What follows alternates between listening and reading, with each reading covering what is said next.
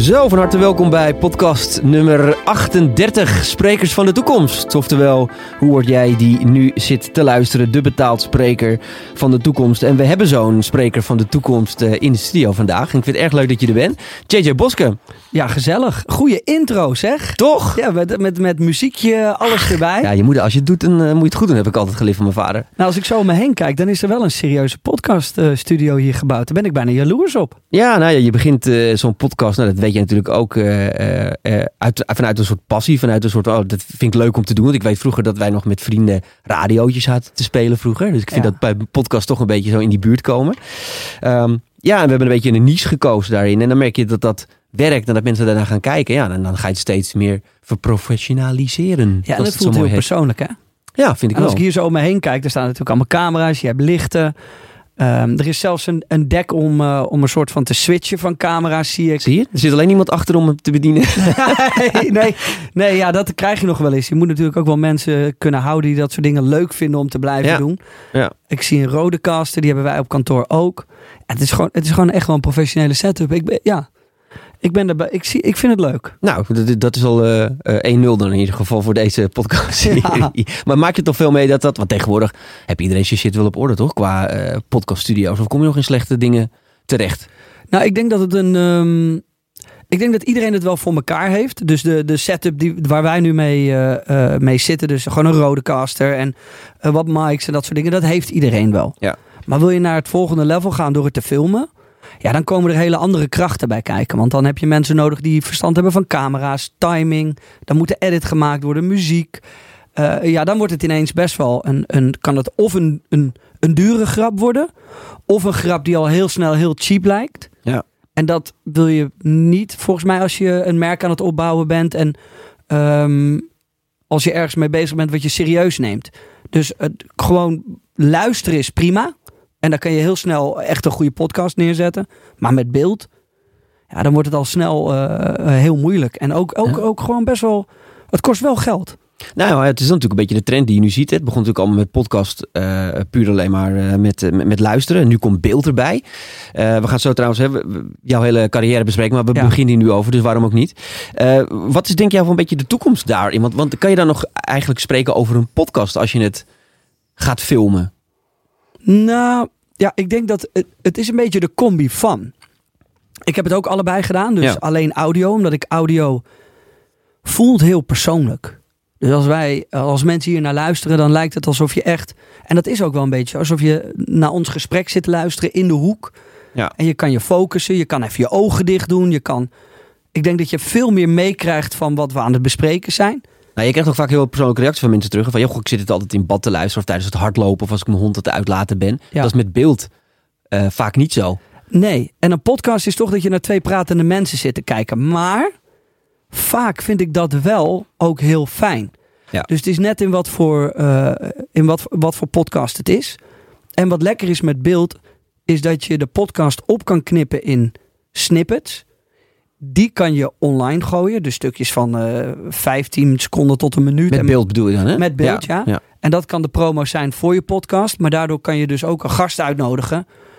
Um, en op die manier meerdere stukken content eruit halen. Want in die hele podcast van een half uur, een uur of twee uur... daar worden heel veel mooie dingen in gedeeld. En als je dat goed opknipt... kan je daar uh, best wel wat, wat bieden. Want sommige mensen luisteren dan niet de hele podcast... of missen net dat stuk of denken... oh, twee uur is wel lang. Terwijl als jij er een minuut uit kan halen die heel waardevol kan zijn... waarin mensen iets leren, iets zien, iets voelen... waarin er nieuwe informatie wordt gedeeld... dan is die ene minuut misschien soms waardevoller dan de hele podcast... Ja, als je die bijvoorbeeld op YouTube gooit. En een mooie aanjager ter promotie van je podcast natuurlijk. Precies. Ja. Dus, dus, het, het Dus eigenlijk elkaar- moeten we dit stukje van het afgelopen minuut moeten eruit snijden. Dan hebben we eigenlijk de essentie van de podcast al te pakken. Ja, ja. Dan, Ja. Dan, dan zouden mensen dus kunnen nadenken over... nou, hoe start ik een podcast? Ja. Of waarom start ik een podcast? Of moet mijn podcast alleen audio zijn of ook video? Ja, dat is wel een bewuste keuze die je moet maken. Nou, er zijn natuurlijk heel veel sprekers die naar deze podcast luisteren. En bijna elke spreker zit natuurlijk met, het, met de vraag... zal ik een podcast beginnen of zijn het al lang eh, begonnen? Ehm, maar worden uh, anderzijds ook heel vaak uitgenodigd voor podcast-series. nou goed, jij, jij hebt zelf ook denk ik al bij misschien wel tientallen, misschien wel honderden, I don't know, podcasten aangeschoven. ik weet zoals Ron Simpson, die zit volgens mij bijna elke week in een podcastserie. Zijn er ook nog bepaalde tips en learnings die je kan geven aan sprekers die uitgenodigd worden vaak voor podcasten? Hoe kan je je als gast het beste bijvoorbeeld positioneren in zo'n podcast? Dat, daar, daar zijn een hoop opties in. Maar ik vind altijd met een goede spreker. Kijk, iedereen denkt dat ik heel veel podcasts heb gedaan. Ik denk dat dit podcast nummer vijf is voor mij. Oh, serieus? Ja, ik heb meer een eigen podcast gehad. Waarin ik dus ook mensen ja, een soort van interview. En zelf kom ik in heel weinig podcasts. Omdat als je eenmaal je verhaal hebt verteld. Heb je je verhaal wel verteld. Ja. Dus je moet, als je zo'n podcast ingaat, wel bedenken waar het over gaat. Dus ik hou ervan om in podcasts te stappen waar het over een niche gaat. Waar ik een mening mag geven over iets wat ik doe of waar ik verstand van heb. Of iets wat gewoon heel grappig is of leuk. Uh, en ik denk dat dat iets is waar, uh, waar als je uitgenodigd wordt, je even goed over na moet denken. Heb ik dit verhaal, uh, verhaal al 80 keer verteld en worden mensen het zat? Ja. En vertel ik dat verhaal ook als spreker? Want dat is natuurlijk helemaal niet wat je zou willen. Nee, het moet wel een verlengstuk zijn van wat je op het podium staat. Ja. Je moet niet letterlijk je, je lezing aan het vertellen zijn op, in zo'n podcast. Precies, en dat gebeurt wel vaak, zie ik. Ja. Dus ik, ik ben ook heel vaak best wel um, ja, kijk, aan de andere kant vind ik dat ik vind dit wel een heel interessant ding. Hè? Want mhm. eh, eh, als ik het dan bijvoorbeeld vergelijk met artiesten. Ja. Hè, en, en, en, en, Gerard Joling staat ook al jarenlang dezelfde liedjes op het podium te zingen. Mhm. Eh, en ik ken een aantal sprekers die al jarenlang hetzelfde verhaal op het podium staan te vertellen. Ja. En daar zijn ze bekend om geworden. Dat werkt heel erg goed voor ze. Daar zijn ze ook heel ervaren in geworden. En ze blijven nog steeds geboekt worden. Uh, en toch is het altijd onder sprekers een beetje zo'n ding van ja, maar je moet maatwerk verzorgen. En elke lezing moet verschillend zijn. Je moet hem aanpassen op de doelgroep. En, en die snap ik allemaal. En die voel ik ook allemaal. Maar toch merk je in de praktijk uh, dat als je hem dan op een andere kunstvorm gaat leggen, dat dat vaak helemaal niet zo gebruikelijk is om jezelf zo door te ontwikkelen. Nee, ik denk dat het ook een persoonlijke keuze is. Ik heb ook met veel artiesten gewerkt en het is een beetje als een, uh, als een DJ die zijn set verandert. Ja. Kijk, een grote internationale DJ, die kan wereldwijd zijn set twee jaar lang blijven draaien. En dan denkt, is voor iedereen nog nieuw. Ja. Je moet altijd je hits blijven draaien. Dus de dingen die werken moet je altijd ook vertellen, denk ik, als, uh, um, als spreker. En als artiest zijn dat bepaalde nummers die je moet blijven draaien. Maar op een gegeven moment wordt je repertoire wel oud. En dat is gewoon zo. Ja. Je, je kan honderd keer optreden en op een gegeven moment wordt het oud. Maar het ligt ook, denk ik, vooral aan jezelf. Ja. Kom je daar om een soort van verhaaltje te vertellen die je al jaren vertelt, dan kom je ja, met alle respect geld halen. Want dat mhm. is het dan gewoon geworden. En natuurlijk is dat verhaal voor een hoop mensen wat waard.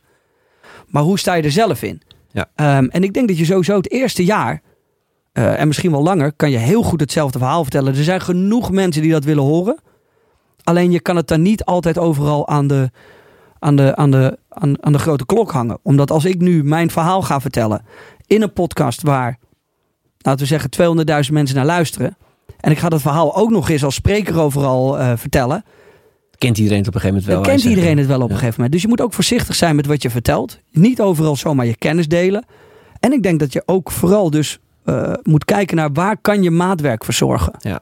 Dus wanneer vertel ik iets wat voor dat bedrijf of persoon belangrijk is. Ja. Nou ja, goed. En je hebt natuurlijk als spreker altijd een aantal facetten. Hè.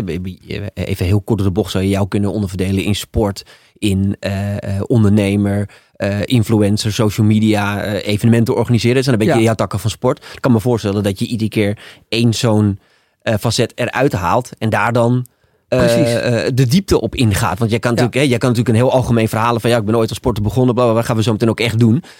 maar hoe heet dat? je kan natuurlijk ook enorm de diepte daarop ingaan. Want je hebt daarin op, op, op, op die verschillende facetten wel de top uh, bereikt. Of in ieder geval heel, heel, uh, dat, heel ver gekomen. Dus je kan daar natuurlijk ook heel erg op doorborduren uh, op, die, op die losstaande facetten. Ja, en ik denk dat dat iets is wat in je arsenaal moet zitten. Ja. Dus daar moet je gewoon goed kijken naar wat past bij dit bedrijf.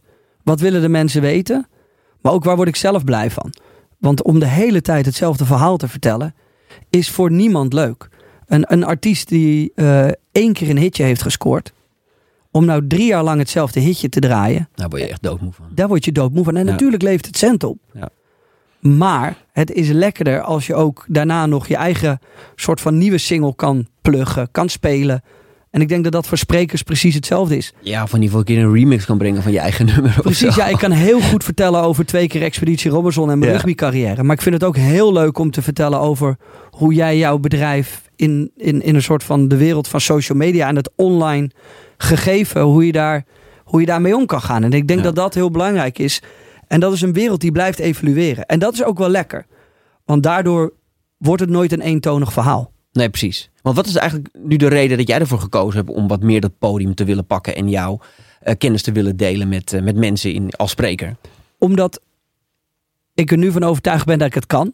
Oké. ik geloof nu dat ik waarde kan, eh, kan toevoegen aan bedrijven en, en, en met, mijn, eh, met, met mijn stijl van spreken. Vond je dat voor een paar jaar geleden nog niet? Nou, ik weet niet, dat is gewoon een gevoel. Een gevoel die zegt dat ik er nu klaar voor ben. Ik ben 36. Als ik nu terugkijk naar mijn, naar mijn track record, als ik het zo mag, eh, Ja. mag omschrijven, dan heb ik een hoop leuke, mooie dingen gedaan. En ik denk dat ehm, ik ben daar best wel gereserveerd in geweest. En dan kan ik nu, denk ik, heb ik daar meer een soort van ehm, vrede mee om daar gewoon openlijk over te vertellen. Maar gereserveerd bedoel je eh, over je ondernemerschap? Ja, Want je hebt natuurlijk geen heel gereserveerd leven. nee, Geleid, nee, nee maar. maar mijn ondernemerschap staat vaak los van mijn Ja, bekendheid. precies. Kijk, iedereen weet dat ik, of nou ja, niet ieder, dat klinkt heel arrogant, maar een hoop mensen zullen weten dat ik mee heb gedaan aan Expeditie Robinson. Ja. Dat verhaal kan ik prima vertellen. Ja. Maar niet een hoop mensen weten dat ik aan de achterkant eh, meerdere bedrijven run en, en eigenlijk mijn passie meer ligt bij eh, het, eh, het online ontwikkelen en, en het helpen van bedrijven daar, dan dat het is om, dan dat mijn passie is dat ik bekend ben. Dat is eigenlijk helemaal niet mijn passie. Want, want, want eh, dat is wel heel interessant dat je dat zegt. Want gebruik je dan eigenlijk je bekendheid ook ter bevordering van je bedrijf? Tuurlijk. Ja. Of is het alleen een ego-ding? Of is het alleen een cash-ding? Nou, ik denk mijn bekendheid was in het begin vooral een ego-ding toen Ja. ik begon. Ja, toen we, hebben we het echt nog over de, toen je nog bij BNN eh, Precies, University zat. want, dan Ja. denk je, oh, ik kan bekend worden en dat is fantastisch. Eh, en toen werd het een, een, was het echt een ego-ding, want dat wil ik. En ook prestatie. Toen kwam ik net uit de topsport, dacht ik, oh ja, dit moet ik echt redden. Dat is de kans, als ik dit red, dan oh. En over de jaren leer je, leer je dat het eigenlijk niet zo heel veel is. En best wel leeg, want wat, wat was dat dan, om even daarna terug te gaan? Mhm. Waar, want ik, ik bedoel, ik, ik, ik werk, werk met eh, alleen maar artiesten en sprekers. En we hebben allemaal een soort van eh, bovengemiddelde behoefte om, om de aandacht eh, Ja. op te zoeken. Dat komt altijd ergens vandaan. Eh, Heb je voor jezelf ontdekt waar dat bij jou vandaan komt? nou, als ki- kind al altijd in de aandacht staan, dat is gewoon iets, het, het vuurtje brandt in mij. Ja. Maar hoe ouder je wordt, hoe meer je daarover na gaat denken. Ik heb wel eens nagedacht over, er zei iemand, ja, maar jij bent een BN'er. Dan ging ik, me- ging ik nadenken over, hoe laat me dat voelen? ja. En wat is dat dan? En wat is dat dan? Ja. En ik ken BN'ers die heel succesvol zijn en heel gelukkig. Maar ik ken ook BN'ers die absoluut niet gelukkig zijn en niet succesvol. En Ja. ook andersom natuurlijk. Ja. Die heel succesvol zijn, maar niet gelukkig. Dat kan ook nog. Maar En waar zit het dan in? Is het dan de, misschien de, de, de een die gebruikt het als tool om zichzelf naar een volgend niveau te tillen, om zijn bedrijf naar een volgend niveau, en de ander gebruikt het om daar gelukkig van te worden? ja, Omdat ze denken dat bekend zijn geluk brengt. nou ja, omdat dat voor hun geluk brengt. Denken Niet ze. dat, ja, nou, misschien is dat ook wel zo. Dat kan gewoon natuurlijk. Ehm, maar ik ken ook BN'ers die heel veel doen, maar geen centjes hebben. ja, oké. en dan wordt het ook lastig. Ja, oké. Dus ben je wel bekend, maar Ben je verdien, wel verdien je geen geld. Nee. Ja. En dat is ook lastig. Ja. ja, want alleen met bekend zijn aan zich verdien je niet per se geld. Nee, en helemaal niet in deze wereld. Dus als je niet aan het ontwikkelen bent. Maar leg dat eens uit voor, want Ja. er zijn natuurlijk heel veel mensen, heel veel sprekers ook die, die eh, eh, heel graag bekend willen worden. Heel graag op tv. Want ja, als ik dan op tv ben, dan kan mijn gage keer drie en dan komen de sponsordeals op me af. En, maar is dat nog zo these days? Of is het überhaupt ooit wel eens zo geweest? Maar Nou, ik denk dat je meer betaalt voor een Humberto Tan dan voor iemand anders die niet bekend is. ja, Dus daar ga ik wel van uit. ja. Ehm, maar ik denk dat het gewoon, ja, laten we eerlijk zijn, dat is e- ook een stukje ego natuurlijk. Maar het gaat je financieel ook wel verder helpen. Maar Ja. dan moet je het wel op de juiste manier doen. En er zijn natuurlijk een hoop mensen die het soort van buiten alles graag bekend willen worden. Omdat voor hun bekendheid staat aan veel volgers en eventueel geld. Veel gezien worden. Maar dat is niet hoe ik het zie. Ik gebruik mijn bekendheid ten eerste om leuke dingen te doen. Dus ik mag fantastische programma's doen met ervaringen die... Ja, ik mag God op mijn blote knieën dankbaar zijn dat ik dat allemaal mag doen. Dan verdien ik er ook nog redelijk goed mijn geld mee. Ehm, maar het heeft me ook gestimuleerd, gestimuleerd om aan de achterkant mijn bedrijven te bouwen.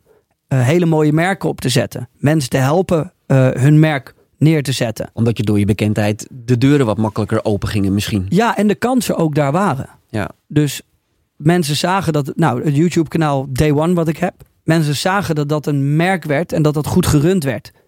Dan gaan ze ervan uit dat je dat ook met andere uh, personen, objecten kan.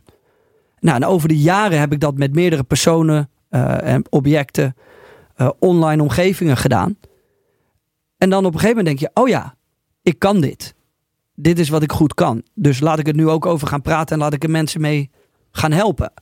Maar had ik de eerste twee, drie jaar had ik dat niet. Nee. Ja, het is natuurlijk ook een ontdekkingstocht natuurlijk. Ik Precies, bedoel, als je op jonge leeftijd al die wijsheden al zou hebben, dan uh, zou je natuurlijk 10-0 uh, eh, voor staan. Nou, ik ben heel jaloers op de jongens van 16, 17, 18 die nu uh, heel goed weten hoe ze Instagram ads moeten inzetten en hoe Facebook werkt en hoe ze TikTok goed voor hun moeten laten werken. Ik weet dat nu ook ondertussen. Mm -hmm.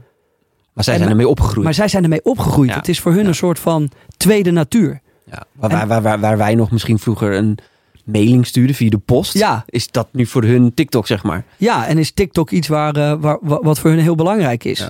En waar ze heel goed hun centjes mee kunnen verdienen. En dat vind ik super interessant.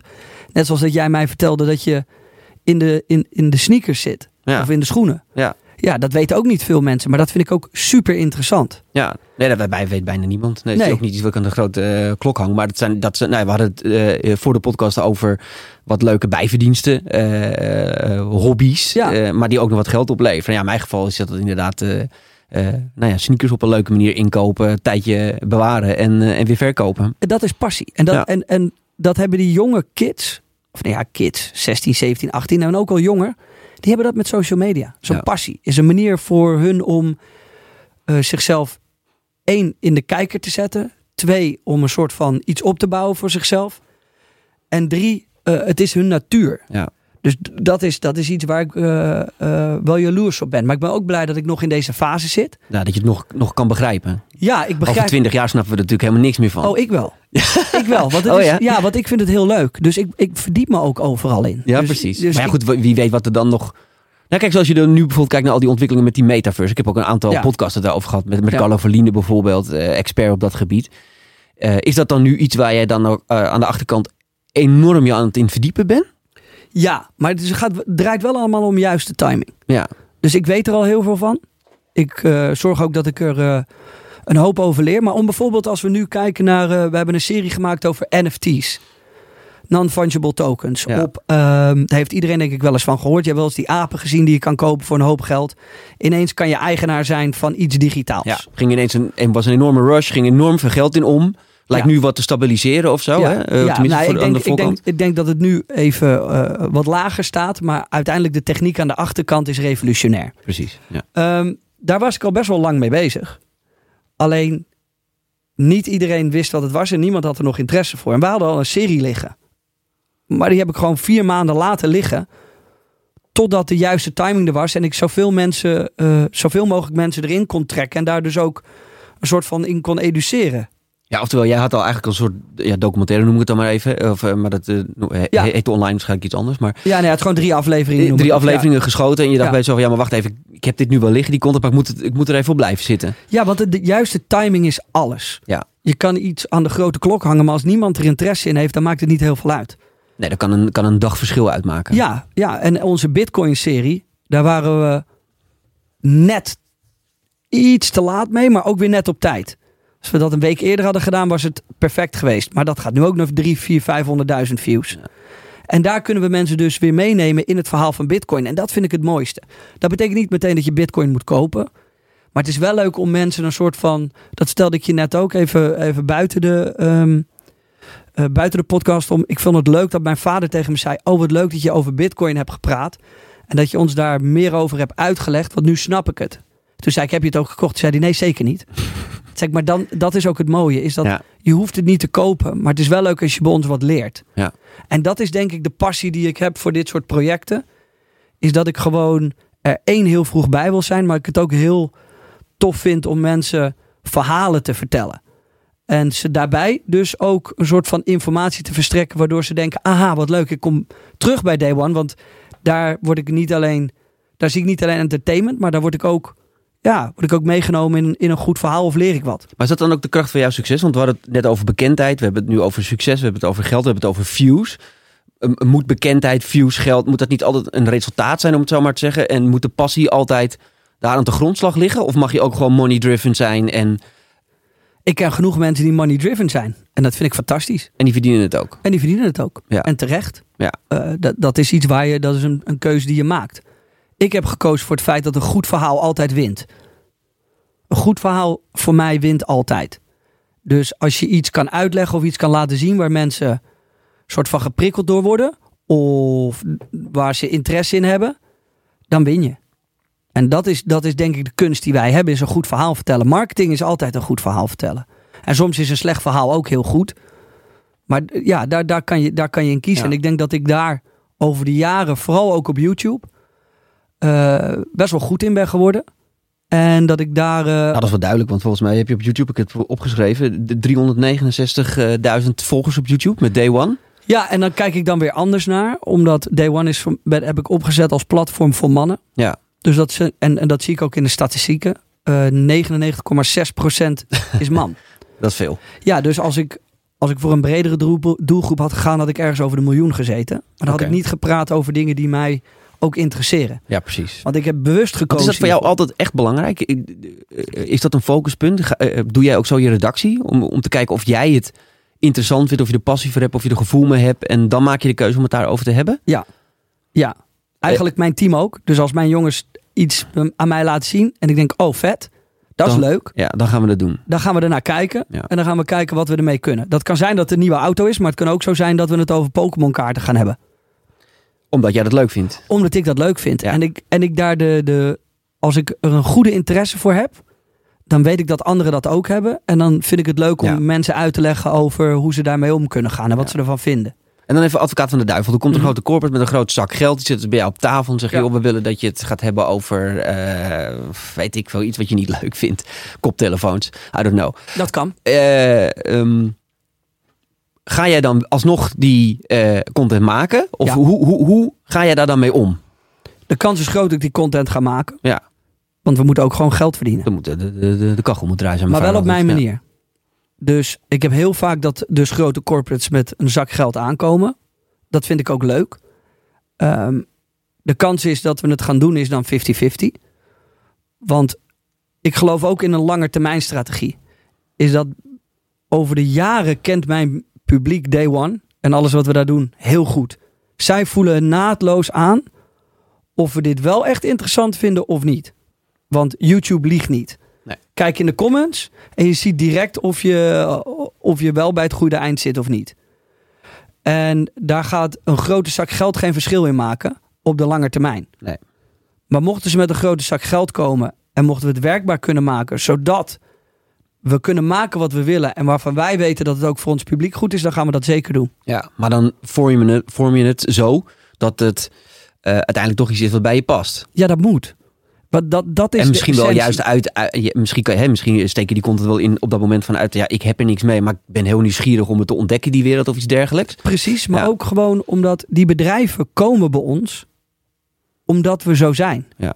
Die bedrijven komen niet met zo'n grote zak geld omdat ze denken, nou ik moet een paar views hebben en daar ben ik oké mee. Precies. Die komen bij ons Ja. om een reden. Ja, maar dat vind ik heel interessant, want dit moeten we iets meer uittippen ook. Want ik denk dat dat veel eh, eh, bedrijven dat ze ook niet inschatten. Want als je, als- vaak als, bieden wij ook wel als spreker natuurlijk influencers aan. En ik merk dat heel veel bedrijven nog het idee hebben dat dat mensen zijn die een beetje filmpjes maken en daardoor toevallig heel veel volgers door hebben Ja, dat is, gekregen. niet, dat is niet. In mijn wereld werkt dat niet zo. Nou ja, dat, dat, dat, dat- daar ben ik inmiddels ook wel achter. Ja. Want ik, hey, ik, ik heb veel van eh, eh, jongens als jou ontmoet. En dat zijn allemaal ontzettende gedreven gasten en, en, en Ja. meiden. Die gewoon ook heel goed weten wat hun doelgroep is. Hoe ze content moeten maken. Dat dat echt wel meer is dan alleen maar een beetje eh, ehm, Ja. eh, selfies maken. Ja, en we hebben natuurlijk. ge- we hebben een soort van. Over de jaren zijn we influencers. Een soort van. ehm, in het begin was het ook. Ja, YouTuber. Oh ja. Ik ben een YouTuber. En nu Ja. is het eigenlijk al best wel normaal geworden. Want iedereen kijkt YouTube. Ja. En het is, het is, het is een soort van. eh, het is niet meer te missen. Eh, TikToker. Ja, krijg je nu veel te horen. Ja, ja, omdat je op TikTok dingen doet. Ja, geef het twee jaar en eh, TikTok is heel normaal. Ja.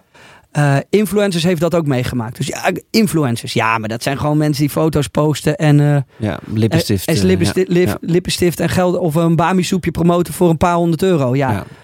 Ik, ik zie dat niet zo. Omdat ik ook de andere kant ervan zie. Voor mij is een, een, een influencer iemand die invloed kan uitoefenen op een grote groep mensen die hun volgt om een reden. En als jij die als bedrijf goed weet in te zetten, dan zal dat altijd ehm, goed voor jouw bedrijf zijn. Omdat de goedkeuring van die influencer en dat ze met jou werken, dat is heel waardevol. Ja. Want ze hebben een vaste schare eh, en een loyaal publiek die op zoek is naar producten, want dat zijn we allemaal, ehm, die zij kunnen toevoegen aan, aan, aan wat zij willen. Dus eh, die ze willen kopen, of die ze een cursus die ze willen volgen, of iets willen leren. Daar, zijn, daar is iedereen naar op zoek. En ik volg bepaalde influencers omdat ik weet dat ik dat daar kan krijgen.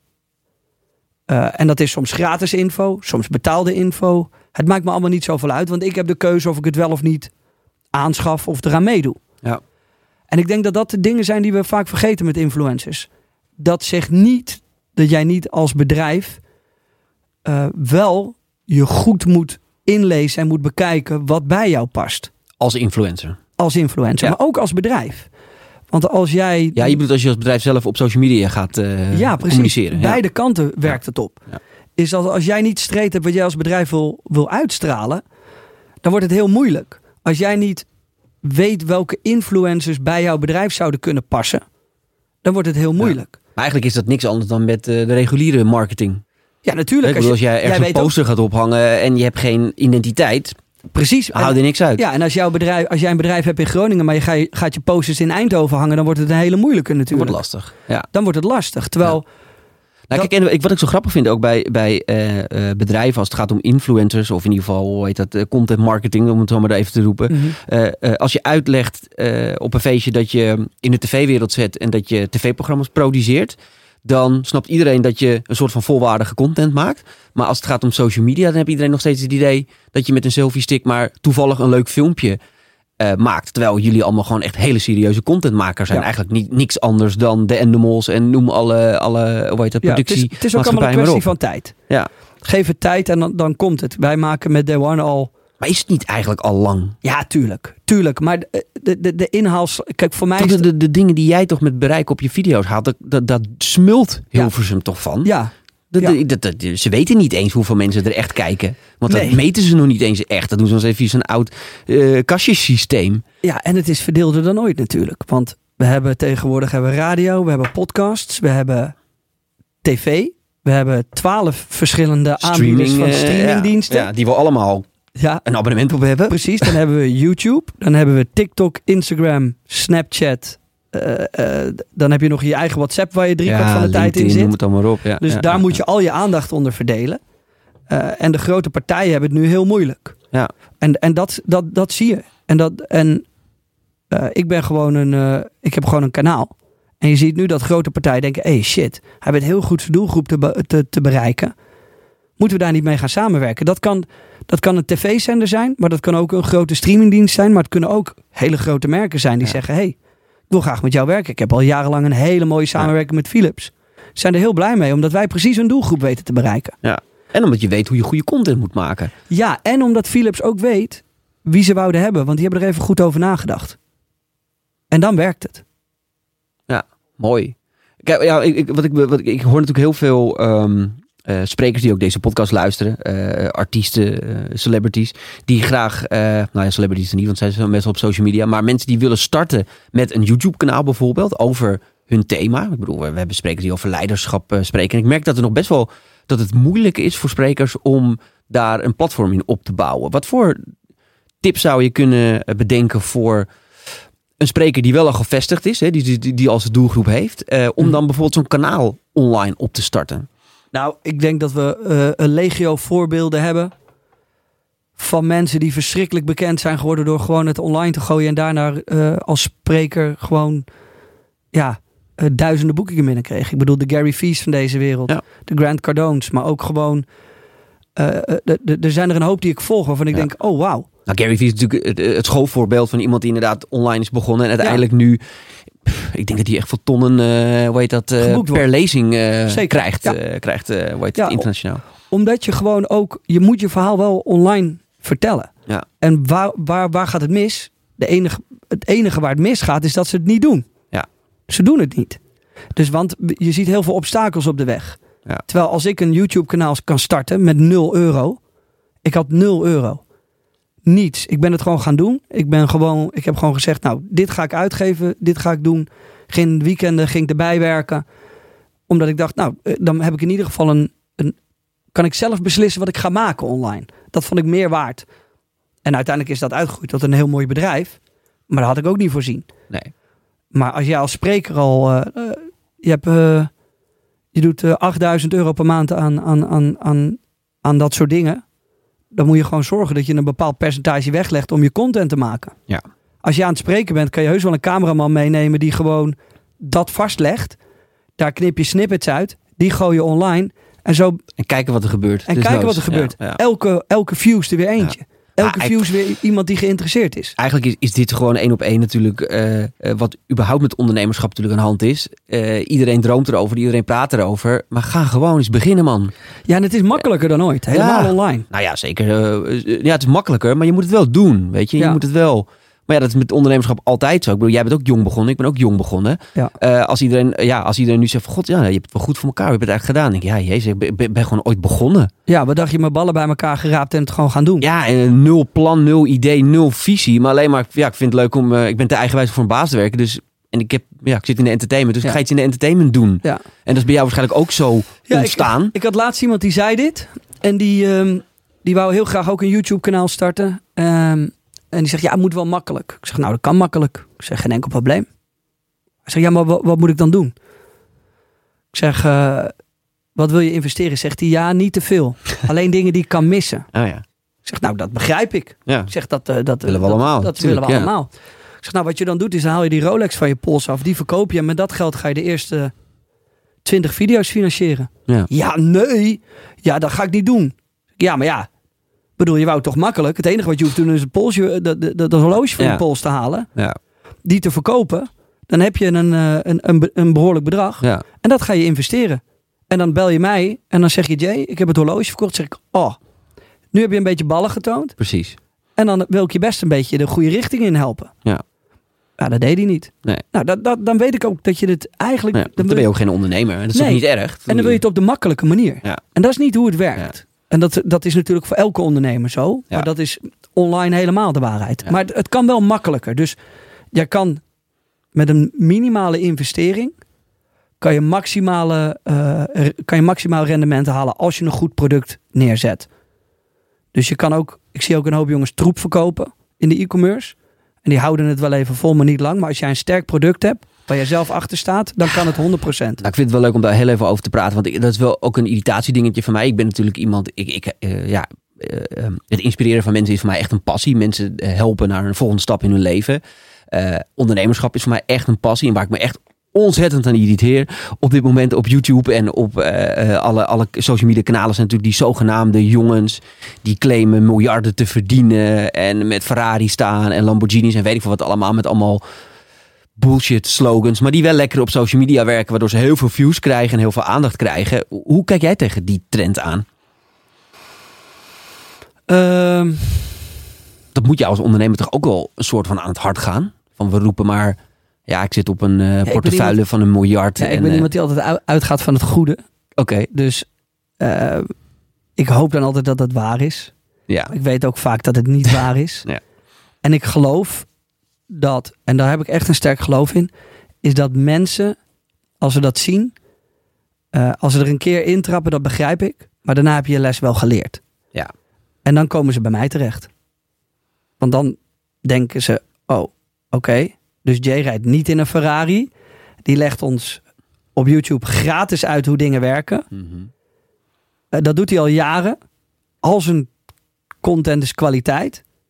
Dus laten we daar eens een kijkje gaan nemen. En dan komen ze bij ons terecht. Ja. Waar we wel voorzichtig met je omgaan en waar we je wel proberen te helpen. En je niet in allerlei eh, stappenplannen proberen te eh Nee. Nee, ik had voor gisteren nog- 100 euro per maand. Ik had gisteren nog met iemand erover. En toen zei ik, ik zou, ik zou niet weten wat ik nu met een Ferrari aan moet. Dan kom ik bij mijn ouders de straat inrijden in Hilversum. Ja. En dan kom ik daar in een Ferrari aanrijden. Ik zou me kapot schamen. Wat, wat, wat, en ik maak alleen maar afleveringen ook met auto's Ja. en grote bolides. Ja. Ja. Ik kan het niet voor me zien. Ik kan het gewoon niet voor me zien, omdat ik denk dat ik dat geld ergens anders veel beter in zou kunnen steken dan in een Ferrari. Niet omdat ik denk dat ik het niet verdien, of dat het geen toffe auto is, of omdat ik hem niet wil, want het lijkt me fantastisch. ja, want iedereen volgens mij heeft bijna het idee dat je in een Ferrari rijdt. Als je jou zo ziet Ja. op social media, dan ja, heb je bijna idee- gewoon een Kia. Ja, Ja, en dat is heel bewust. Eén, omdat ik mijn geld ergens anders veel beter kan uitgeven. ja, Eh, omdat ik hou van mooie dingen doen met mijn, eh, met, met, met mijn bedrijf. ja. Dus ik, ik koop liever een paar hele goede camera's. Ehm, en ik investeer liever in, in goed personeel. Dan dat ik dat ga doen. Het kan wel, maar dat betekent dat alles, alles wat ik nu aan het doen ben minder moet. Dus minder goed personeel. Ja. Een minder goed kantoor. Ehm, Om maar in die Ferrari te kunnen rijden. ja, Maar gaat die Ferrari er ooit wel komen als je een bepaalde stip op de horizon hebt Nee, gehaald? Ferrari niet. nee, nee, nee, nee, nee, nee, nee, nee, nee. Dat zeg ik nu en dan zie je me over twee jaar naar Ferrari rijden. Nee, dat niet. Maar Ja, wel, ja. ik, ik hou er wel van om een mooie auto te rijden. Omdat ik vind dat je het succes ook gewoon mag vieren. Ja, 100 procent. Want daar ben ik absoluut niet op tegen. Weet je, we zitten hier ook allebei met een mooi horloge om ons pols. Want succes mag gevierd worden. Ja. En ik hou ook van ehm, mooie dingen. Net als iedereen. Of als een hoop mensen. Alleen, ik zie het nut er niet van in om een auto te kopen die, die toch maar zijn waarde verliest. En dan geef ik liever, denk ik, iets uit aan een iets minder mooie auto. En dat ik bijvoorbeeld, weet ik niet, de hypotheek van mijn ouders afbetaal. Ja. Dan heb ik het beste van beide werelden. Wat natuurlijk super nobel klinkt, maar dat is wel hoe ik oprecht, oprecht erover na zou denken. Ja. En zolang mijn bedrijf al dat geld nog nodig heeft. En het misschien eh, een hele goede marketingtool is om nu een hele dure auto te kopen. Om daar content mee te Om schieten. daar bedoel content mee te Ja. schieten. Dan, eh, dan, eh, dan heb ik volgende week een miljoen views en dan gaan mijn sales misschien omhoog. Denk ik ook dat het op een langere Ja. termijn anders kan. En als ik over een jaar een hele mooie auto rijd, dan accepteren mensen dat denk ik bij mij wat meer. Omdat ik gewoon al zeven, zes, zeven jaar heel hard op YouTube en daaromheen aan het vechten ben om mooie brands te bouwen. Dus ze begrijpen Ja. het. Ja. Dat moet ook bij je passen, denk ik. Ik bedoel, er zijn een aantal jongens op, Ja, op, op, eh, nou, die we allemaal kennen. eh, en die daar ook eerlijk voor open komen, eh, voor, voor uitkomen. Dat, dat ze gewoon dat soort auto's aanschaffen om inderdaad gewoon heel snel bereik te genereren. Ja. Wat natuurlijk prima is, maar het moet bij je passen. Als het klopt en, en het verhaal klopt en het past eh, bij de persoon wie je bent, Ja. dan is het oké, denk ik. 100 procent. Ik vind het fantastisch als je dat Ja. kan doen. Het is Ja. alleen niet wat ik doe op het Nee. moment. Dat zegt niet dat ik erop tegen ben. Nee. Het zegt niet dat ik het slecht vind. Ik vind het soms zelfs fantastische marketing. Want als jij een auto kan kopen die in een jaar rijdt, die heeft een beetje afschrijving na een jaar, maar hij, hij heeft jou fantastisch veel opgeleverd qua marketing en qua sales. Ja. Dan heb je het eigenlijk toch heel erg goed gedaan. Ja, natuurlijk. Het is natuurlijk gewoon een beetje het model wat veel jongens doen die in de, in de eh, hoe heet dat, ehm, hoe, hoe heet die dingen? Eh, Supplementen. Supplementen zitten. Ja. Het is een beetje dat model. We, we schaffen een hele dure auto aan, maken hem Ja. goud of geel of weet Ja. ik veel wat. En dan eh, heb je veel bereik, verkoop je veel potjes. Ik Even korter de bocht. ik- nou, ik vind dat Joël Beukers het fantastisch doet. zeker. En ik weet ook dat hij zijn auto's volgens mij echt afbetaalt. Ja. Ik ken hem. Ik weet dat hij een passie heeft voor auto's. Dus dat is leuk. ja, het past bij hem. En het past bij hem. En hij was een van de eerste. Dus dan denk ik ook bij mezelf, wel fucking dan. Precies. Hele goede marketing gedaan. Want dat, dit is jouw trucje. Heel goed gedaan. Ja. En dat, daar kan ik echt wel waardering voor opbrengen. Dat zegt niet dat, dat, dat ik dat dan ook moet gaan doen. Nee. En de eerste copycat daarna vind ik ook nog fantastisch. Mhm. Want de eerste copycat die daarna deed, vind ik ook... Als je dat doet en je doet het als tweede heel goed... en je kan daardoor ook heel goed je centjes verdienen... Ja. nou, heel goed gedaan. Maar het begint nu wel een beetje uitgekoud te raken. Ehm, maar wil jij gewoon een mooie auto rijden en is dat je passie... dan is dat natuurlijk je goed recht. Maar Ja. het, moet, het moet niet meer de marketingtool zijn die nodig is. En ik denk dat mensen er ook steeds minder in trappen. Ja. Even resume. Want wat is dan, want we zijn bijna, dit, dit is een korte podcast. Oh ja. Dit is een korte eh, podcast. Ehm, wat is dan jouw, wat is jouw drijfveer als ondernemer? Wa- Waar, komt, waar, want jij doet veel. Hè? Ja. Tenminste, ik vind dat je veel doet. Zo, Soms zo veel lijkt veel, het. zeker, ja. Zo lijkt het. Waar, waar, waar ontmoet het elkaar allemaal? Het moet bij mij allemaal digitaal passen. Dus voor mij is het belangrijk dat ik dat het een digitale connectie heeft. En dat ik het in mijn hoofd de, de, de, de, de, de verbanden kan maken. Dus ik, ik moet wel, als ik een product... Nou, eh, voorbeeld. Ik heb samen met Busy Femke Louise... eh, Ja. tussen haakjes verzonnen met heel veel respect. Ja, het concept. Het concept. Ja. De muziek hebben we gedaan. Dat klopt van mij aan alle kanten. Eén, het is entertainment. Twee, zij kwam van YouTube. Drie, we hadden een concept zetten we neer wat nog niemand had gedaan. Waar ook niemand vertrouwen in had. Maar jullie zijn echt letterlijk met z'n tweeën aan tafel gaan zitten. van, Oké, wat, wat zou een concept zijn binnen de muziekindustrie die zal werken? Ja. En daar is toen het concept Ja, van Busy en ik uitgekomen. kennen elkaar al jaren. Ja. Hij zat bij Yellowclaw. Ja, Ik deed een stuk muziekmanagement voor Stuk TV. Want daar heb ik eh, Giel de Winter ook mee geholpen. Een stukje muziek. Ja. Eh, heel fijn dat dat mocht van hem. En fijn dat hij mij de creativiteit heeft gegeven om voor hem dat op te zetten en Ja. dat te bedenken. Eh, en toen heeft Busy gezegd: Wauw, dat is, heb je vet bedacht. goed gedaan. Ja. Mocht ik ooit uit Yellowclaw stappen en, en zelf iets gaan beginnen in de muziek, een, een label, dan wil ik dat met jou doen. Ja. Nou, op een dag belde hij en zei: Ik heb een idee. Zijn we op tafel gaan zitten. Vond ik een belachelijk idee. maar ik weet ook dat een belachelijk idee soms wel eens een heel goed idee kan Ja. zijn. Want wat, Wat- was, wat was dan platgeslagen het idee achter van Louise? Nou, hij had al een single staan. Ja. Dus met een deuntje, alles erop en eraan. Dat vond ik goed. Ja. En toen kregen we een mailtje van Femke Louise dat ze wou gaan zingen. Toen zei dit is perfect. Dit is een soort van... zij- Op dat moment had ze heel veel haat. Ja. En zei top, haat werkt het allerbeste. En Toen had ze al haat, zeg maar. Ja, en met de ja. muziek die wij met haar gaan maken... wordt, Wordt het, eerst nog, erger. wordt het eerst nog erger. Ja. Maar we hebben hele goede muziek liggen. Dus mensen kunnen er niet omheen dat het vet is. Wij weten dat zij heel lief en goed is. Dus die haat is heel weer makkelijk op te lossen. Want het is ongegronde haat. Mhm. Nou, en die, die, die soort van combinatie daarvan was goud. Maakt het heel interessant om naar Maakt, te kijken. maakt het heel interessant om Ja. naar te kijken. Maar wat ook heel goed voor ons werkte, is dat het niet alleen 5 miljoen views haalde. Want iedereen dacht, oh ja, dat zijn gewoon views. Want iedereen wil weten hoe, hoe het eruit ziet en, en erom lachen. Maar toen wij naar Spotify gingen en zagen dat er ook 2,5 miljoen plays waren. Dus wat er gebeurde is dat niet alleen mensen stiekem op YouTube aan het kijken waren. Maar ze waren het ook stiekem in hun auto of thuis aan het luisteren omdat ze het goede muziek vonden. Toen wisten we, ah, nu hebben we wat te pakken. En dan moet je heel voorzichtig zijn en dan moet je eh, het goed uitplannen wat je daarna gaat doen. En dat deden we altijd met Femke Louise. Ja. En dat is hoe wij eh, op die manier samen met haar natuurlijk en een goed team, ja, daar eh, tot op een zekere hoogte een heel groot succes van hebben gemaakt. Ja, want kijk, nu wel, wel een leuk bruggetje, denk ik. Want het lijkt natuurlijk vandaag ook heel erg als bespreken dat bij jou alles in goud verandert. Nee, absoluut. maar dat is niet zo. Want ook Nee. met Femke, Femke was het op een gegeven moment... Ja, Femke ging naar Ali. ja, Ja, dat was niet leuk. ja. En dat was een hele slechte timing voor ons allemaal. Want we met elkaar bouw je iets op. Ja. Je zet iets neer. Je behaalt Ja. een bepaald succes. Ja. En iemand, iemand besluit om weg te gaan. Dat is een tegenvaller. dat is niet alleen een tegenvaller. Dat heeft eh, eh, mijn compagnon in een soort halve depressie gegooid. Oh ja? Ik heb er zelf, dat is een van de, een van de dingen die mij altijd zal blijven achtervolgen, is dat zij weg is gegaan. Ook omdat wij daar heel makkelijk in waren. Wil je weg, dan wil je weg. Ja. Ga maar. Zat er geen zware contracten onder.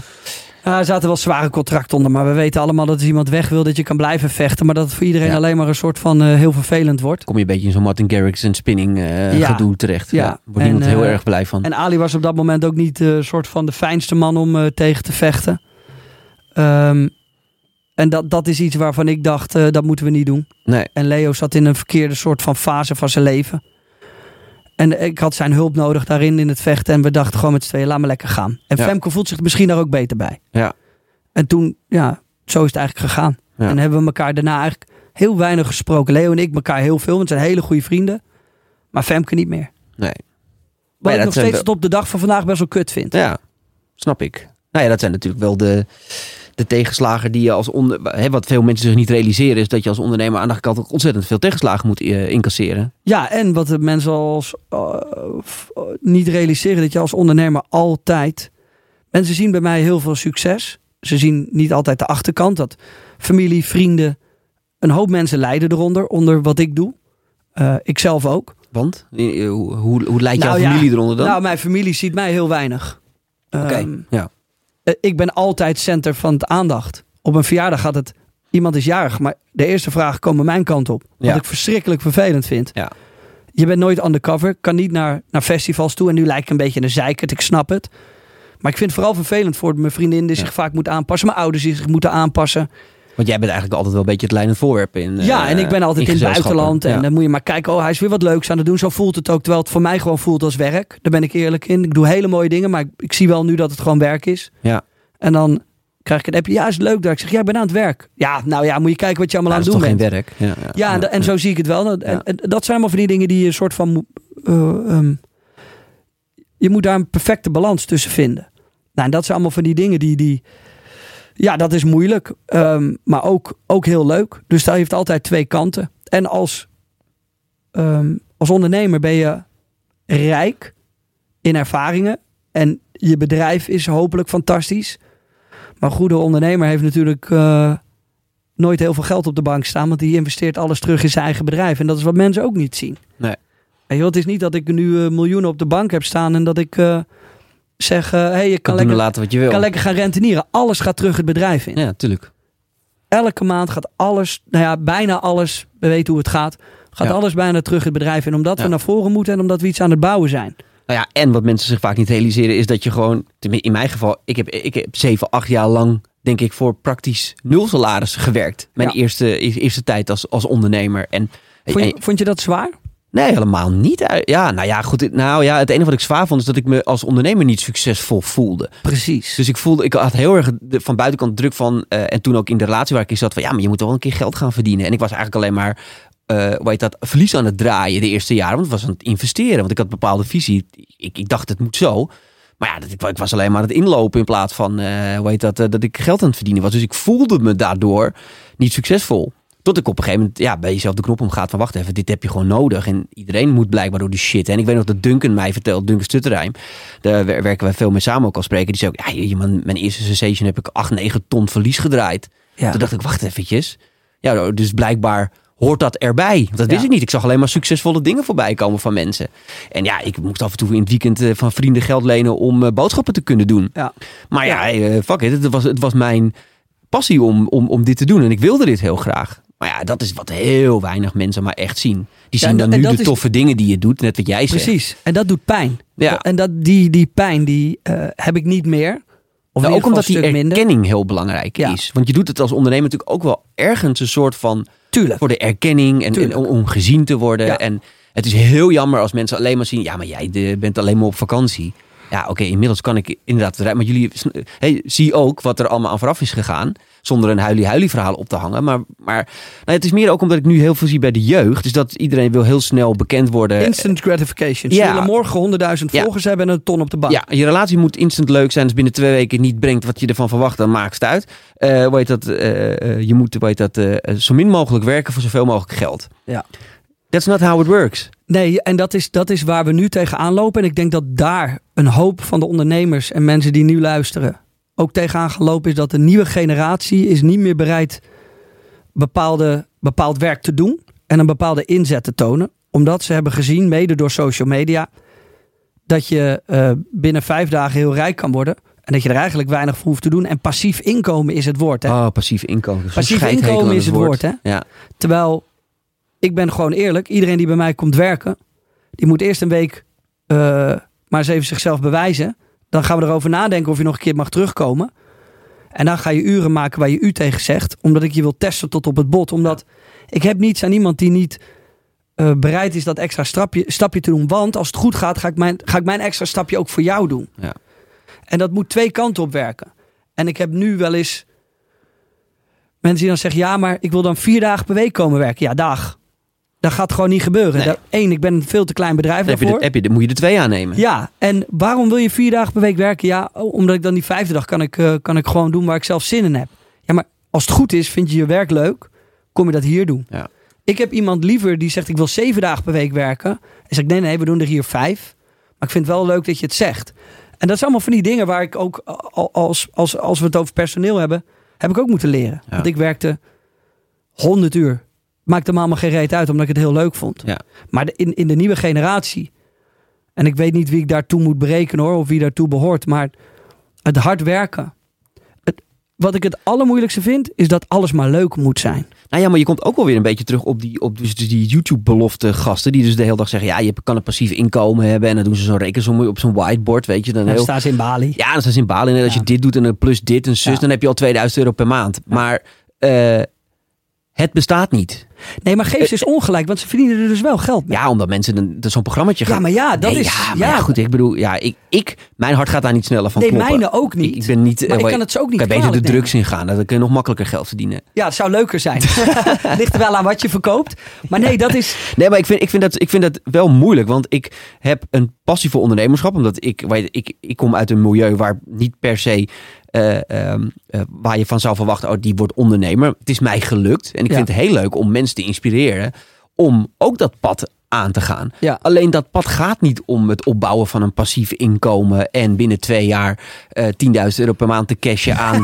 Weet ik veel wat. Ik, ik weet niet eens waar ze het aan, aan uitgeven. Ik bedoel, jij zit ook in de crypto en dingen. Het is Natuurlijk, ja, als je, je hebt een keer een mazzel. Ja. Maar een passief inkomen alleen om het crypto opbouwen is al fucking ingewikkeld. ja, ook omdat je de tijd, de energie erin moet investeren. Dus de, eh, alles is weer nieuw. Nee, kijk. We zijn niet... de- de- het is niet meer gewend... Laatst iemand, ja, ik moet, moet, eh, ik moet het wel altijd leuk vinden. Ja, het, het werkt gewoon niet zo. Het is niet altijd leuk. Nee. Je moet om leuke dingen te kunnen erkennen en herkennen, moet je ook niet leuke dingen doen. Ja. En vaak zijn dat heel veel niet leuke dingen om ergens te komen waar het leuk is. Laten we tot slot eventjes eh, eh, eh, Ja. eh, ehm, eh, in oploop hiervan, of nee, in aanloop, nou ja, je weet wat ik bedoel. Ja. Jouw Day One festival nemen. Ja. Veel mensen hebben waarschijnlijk gezien op social media dat jij een heel groot festival hebt georganiseerd. Eh, waar 70, 80.000 mensen op af zijn gekomen. ja. Ehm, wat natuurlijk op alle foto's en filmpjes een mega is, succes is. Eh, en, dat, en dat was het ook. Het zag er fantastisch uit. Het was goed georganiseerd. Nou ja, iedereen was er die er moest zijn. Ehm, maar dat is na aanloop naar zo'n evenement toe niet alleen maar Nee, man. één grote lol. Nee, zelfs daarna niet. Nee, op het moment is het fantastisch. Omdat je zoveel mensen hebt en zoveel gelukkige mensen ziet. En dat je een brand hebt kunnen opbouwen met een YouTube-kanaaltje waar bijna se- 73.000 Ja. mensen op afkomen, is natuurlijk fantastisch. We did it. is uniek, Ja. ja. we, we did it. En daarvoor heb ik het ook gedaan. Maar als ik ga kijken naar wat het qua tijd, energie en financieel allemaal heeft opgeleverd, zou ik het, zou het eigenlijk niet meer moeten doen. Nee, Want er zijn vele want het is niet van we, huren een zaaltje, we zetten daar wat Nee. steentjes neer en we Nee. zetten het één keer op YouTube en we verkopen de, verkopen de zaal uit. Nee, daar gaat twee jaar aan vooraf. Ja, maar dat is wel wat vaak mensen denken. Hè, want je bent succesvol, je hebt bereik, dus Ja. voor jou is het makkelijk. Jij huurt zo'n zaal, je kent al die autogasten, je trekt wat mensen bij elkaar. eh 3, 2, 1, je zet het op YouTube en het is uitverkocht. Dat is, Nee, wat- dat dat is wel wat mensen denken. Dat is niet hoe het werkt. En Nee. dat is, gelukkig is het ook niet zo. Gelukkig werkt het niet zo, want Nee. anders zou iedereen het doen. Ja. Maar het is voor ons als Day One wel heel fijn en heel vet om zoiets op te kunnen zetten. En dus daar moet je ook een soort van. En dat is altijd de berekening die je maakt. Dus wat levert het op en wat doet het voor het brand? Nou, daar, zijn we al, daar ben ik altijd mee bezig. Ja. En hoe leuk vind je het zelf ook om te doen? Ja, De eh, struggle. De dagen zelf heel leuk. Eh, en daarvoor en daarna vind ik het wel moeilijk. Omdat ik denk dat, ja, wat je ook niet realiseert, is als je een event opzet, dat is gewoon weer een hele nieuwe business. Het is Ja. gewoon een nieuw bedrijf. Het is gewoon weer, je moet jezelf helemaal inlezen. Je moet weten wat je aan het doen bent. Zelfs als je niet verantwoordelijk bent voor het zelf organiseren eventueel ervan, moet je toch weten wat je aan het doen bent. Want Tuurlijk. het moet wel ons DNA hebben. Moeten er wel goed naar kijken. Je hebt En als ondernemer moet je het altijd in ieder geval snappen wat anderen voor je aan het doen zijn. Precies, je hebt eventueel compagnons die het toch anders willen dan dat jij het wil. Ehm, en, en dat is hun goed recht.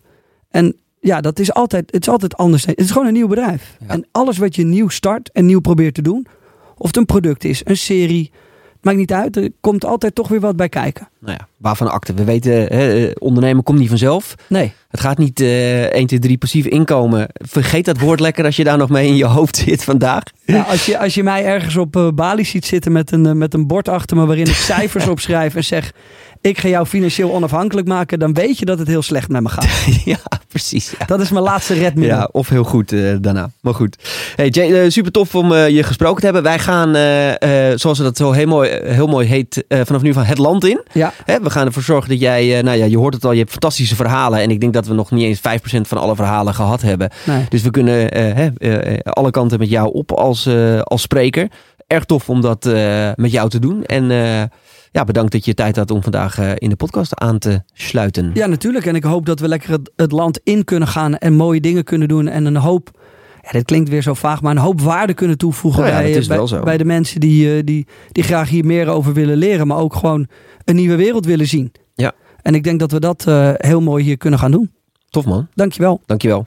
Jullie allemaal bedankt voor het luisteren. Hou vooral ook onze website in de gaten. Sprekersvandetoekomst.nl en www.quality-bookings.nl voor nog veel meer inspirerende podcasten. Dankjewel voor het luisteren.